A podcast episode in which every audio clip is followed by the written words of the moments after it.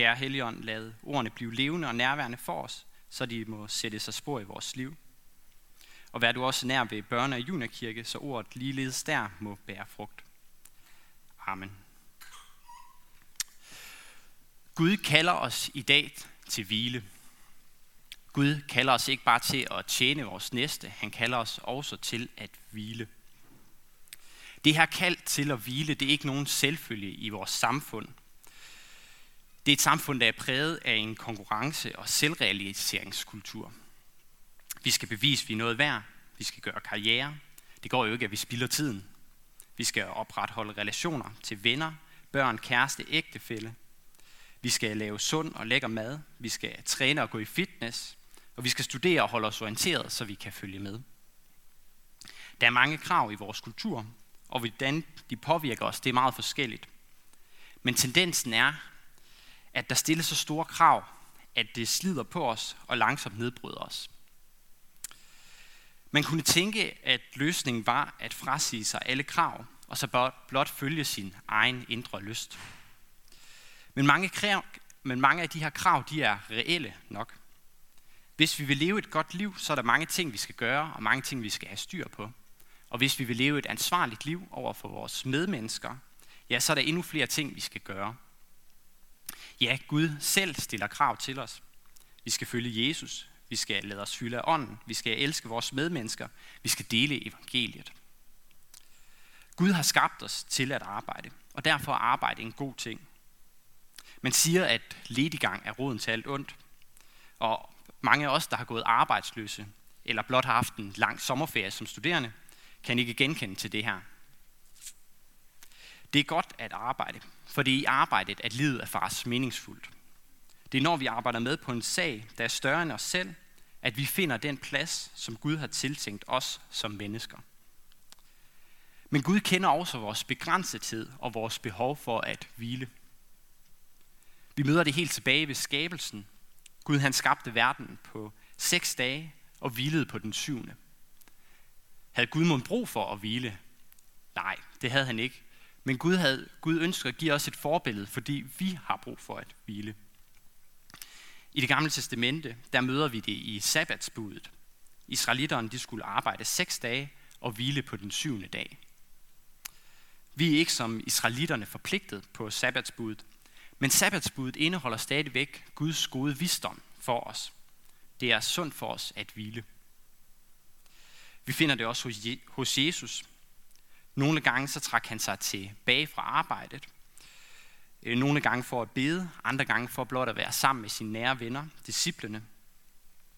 Når Jesus han kalder os til at følge ham, så kalder han os ikke blot til at følge ham, når han arbejder, men også når han hviler. Men man kan spørge, hvad er hvile egentlig? En side af hvilen er den fysiske hvile.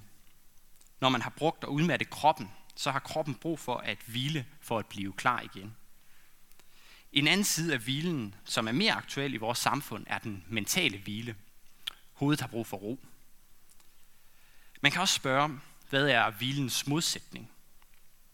Det første, jeg kommer til at tænke på, er handling. Når man hviler, så laver man ikke noget. Men mange af os erfarer faktisk, at vi hviler rigtig godt ud, når vi laver noget. Mange hviler ud, når de dyrker sport, ordner have eller læser en roman. Jeg tror ikke så meget, at vinens modsætning er aktivitet eller handling, som det er kamp. Forholdet mellem hvile og kamp kan beskrives med et billede. For nogle år siden var jeg ude at sejle i kano på Gudnåen. Vi sejlede med strøm mod vores mål.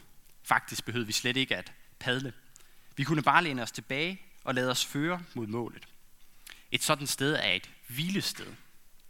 Det er et sted, hvor man bare kan lade sig flyde med, fordi man ved, at man bliver ført et godt sted hen. Men på et tidspunkt på turen kom vi til Tangesø. På søen var der kraftig vind, og vi måtte padle af alle kræfter for at komme videre mod vores mål. Kampen, det er at være et sted, hvor man må kæmpe og slide for at komme derhen, hvor man vil være. For hvis man lader sig flyde med, så kommer man et andet sted hen, så når man ikke sit mål.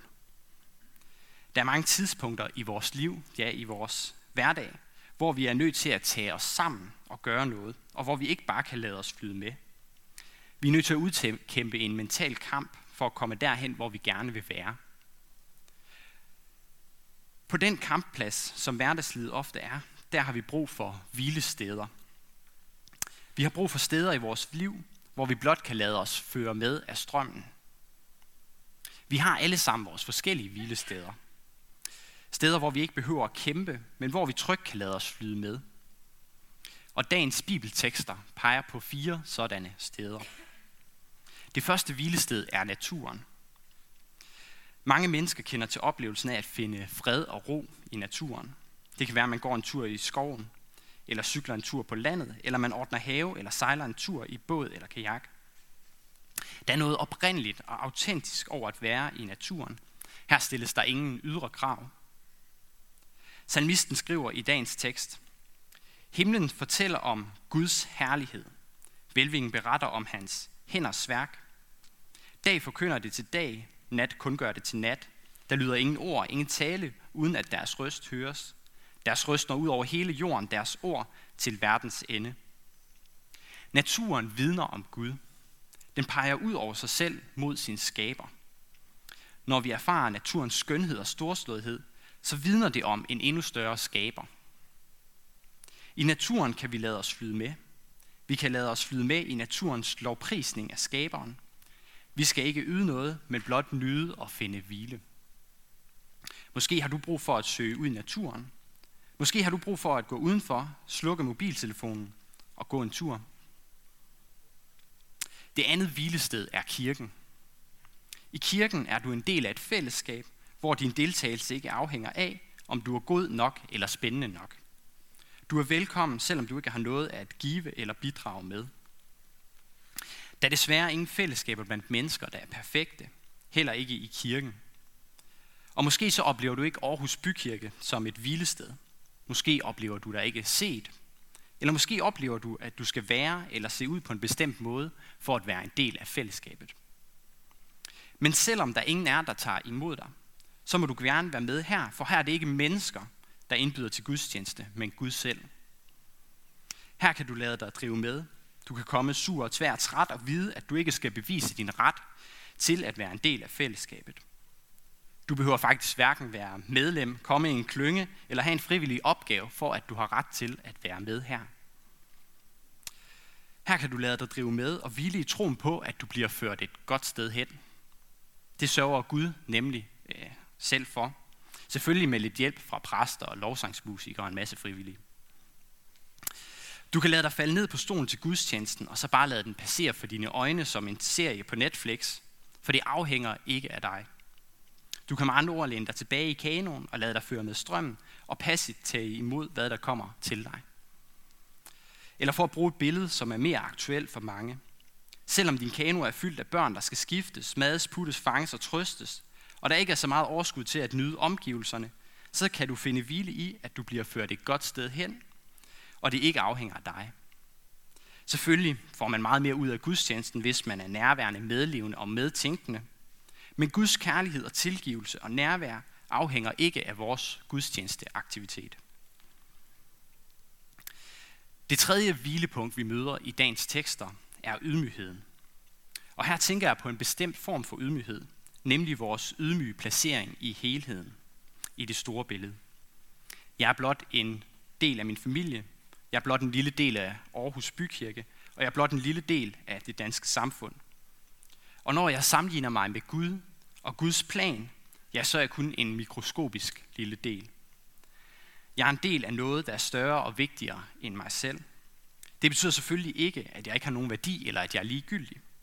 Nej, det betyder, at det ikke handler om mig, eller mere præcist, at det ikke handler om mere om mig, end om alle de andre. Når jeg ser mig selv i lyset af helheden, så finder jeg et hvilepunkt. Jeg er ikke så stor og vigtig og stærk, som jeg tror, jeg er, eller som jeg føler, jeg bør være. Jeg kan lade mig flyde med og vide, at jeg er en del af noget større, og jeg ikke har ansvaret for helheden. Jeg skal og kan ikke frelse verden. Det er det kun Gud, der kan. Selvfølgelig er der også små ting, som jeg har ansvar for, og som jeg skal være tro i. De steder er ikke et hvilepunkt, men en kampplads. Der skal jeg tage mig sammen og tage ansvar og gøre noget.